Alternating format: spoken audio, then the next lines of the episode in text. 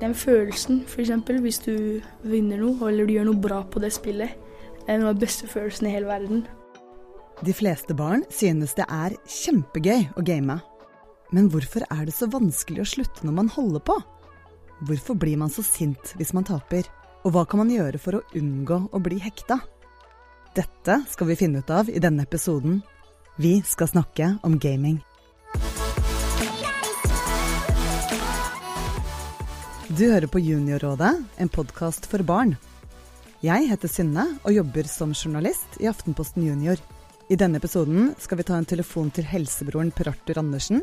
Men først og fremst skal vi høre fra fire sjetteklassinger på Uranienborg skole.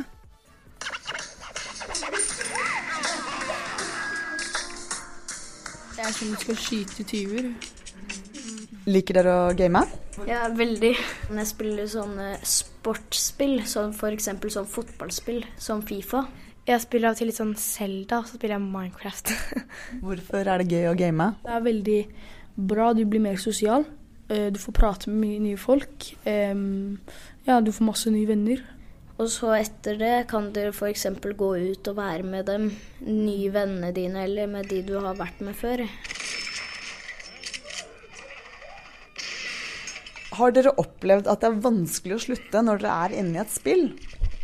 Ja, veldig. Siden når jeg er, litt- driver og spiller, og så roper mamma på meg at det er middag, så vil jeg liksom ikke gå fra spillet. Jeg har lyst til å bli ferdig med det jeg har begynt med og sånt. Nei, det er bare en som kom seg unna. Så er det én igjen, da. Ja, før så var det sånn at jeg kunne krangle med mamma i kanskje ti minutter. Fordi Fordi jeg ville spille ferdig så innmari. Men så at bare, ja. Når hun ropte, så kom det bare ikke, da? eller? Nei, akkurat. Mm, det var liksom Yes, der, ja. Ja, jeg tror jeg klarte én dag. Før så kunne jeg spille fire timer hver dag. Og så på, natt, på nettene så kunne jeg ha overnattinger, så kunne vi game hele natten. da. Så det var noen ganger det ble opptil 16 timers spilling på én dag. Hva gjorde du neste dag da? Neste dag, nei, da hvilte jeg. Du har vært skikkelig avhengig, du. Skikkelig avhengig, men jeg har liksom heldigvis klart å ja, bli flink på å ikke spille så mye, da.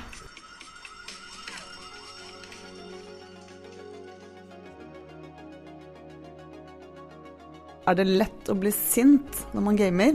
Ja, det er ganske lett å bli frustrert, og så blir man sånn der og så er det sånn Før var det veldig mye, da. Fordi når jeg dør, så pleide jeg å skrike, og jeg banket litt i bordet og sånt. Så en gang så skrek jeg så høyt at vi fikk nabovarsel. Og så fikk jeg en gang nesten hull gjennom sengen fordi jeg slo med kontrollen min litt hardt. Hull gjennom sengen? Ja, det er sånn, jeg har sånn toetasjeseng, og så er det noen stiger. Så slo jeg til kontrollen der, og så, ja. Da ringer vi helsebroren. Hei. Mange barn blir jo sinte når de spiller, og han vi snakket med her ble så sint at han skrek og slo hull i sengen. Hvorfor blir man så sint av eh, et spill? Man kan bli veldig sint av spill fordi for det første, det er kjempekjipt å tape. Det er så kjipt å dø når du spiller eller bli slått ut eller et eller annet sånt. Og det kan oppleves som veldig urettferdig. Det er lett å forstå, egentlig. Blir veldig sint når jeg taper, sånn når det har vært 2-2 hele kampen, og så scora han siste minutt, f.eks. Da ble jeg veldig sint. Og før Og jeg slo også veldig mye på bordet sånn.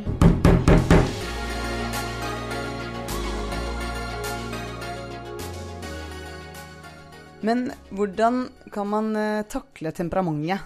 Er du sint og litt sånn oppgiret når du spiller, så gjør du det fort dårligere spillet, og du vil tape. Og da er det like greit å ta seg en pause. Yes, der, ja. Men vet dere at liksom sånne spill er laget og designet for at barn skal bli avhengige? Ja, det har jeg skjønt, da. Fordi det er veldig lett å bli avhengig av noen typer spill. Mm.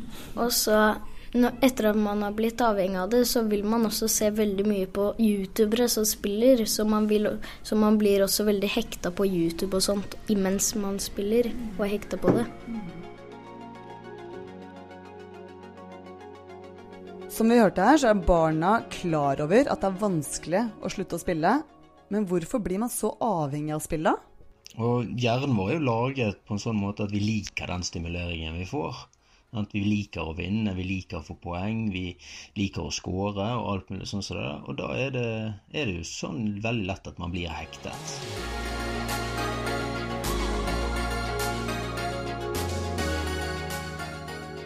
Jeg vet om folk som har lagt på seg over 50, nei, 60 kilo, og de, går, de veide sånn 120 kilo, og de gikk i 9. klasse eller noe sånt.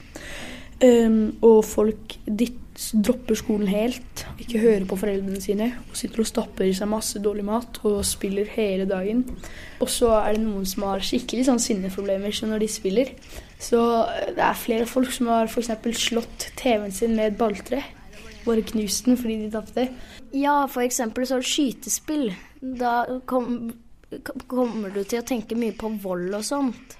Og så begynner du å bli veldig hissig og sånt. Og begynner å klage på veldig mye hvis eh, noen på ditt lag har gjort feil. Og da kan du liksom bli veldig sure på dem. Så eh, blir du liksom lyst til å starte på sånn slåssing og sånt. Barna her forteller om eh, sinneproblemer, overspising og at man sitter for mye inne og blir asosial. Altså at man ikke er sammen med andre venner. Det høres jo ikke bra ut. Hva kan man gjøre for å unngå slike problemer? Vi mennesker kan bli avhengig av alt.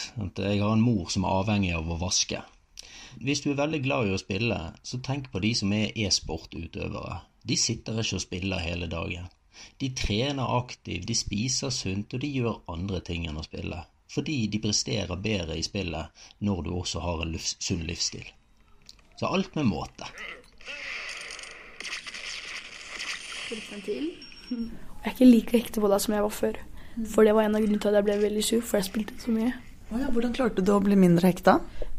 Jeg vet ikke helt. Jeg fant liksom flere ting å gjøre.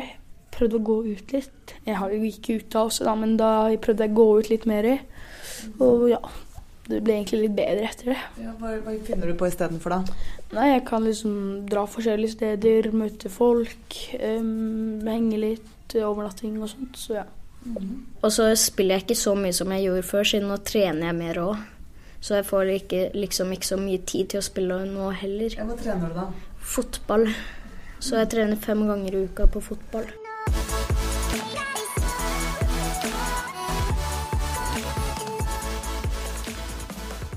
Du har nettopp hørt en episode av Juniorrådet, en podkast laget av Aftenposten Junior. Her har du hørt Per Arthur Andersen, helsebroren, og elever fra Uranienborg skole. Jeg heter Synne Søhol. Takk for at du hørte på oss. Håper vi høres igjen.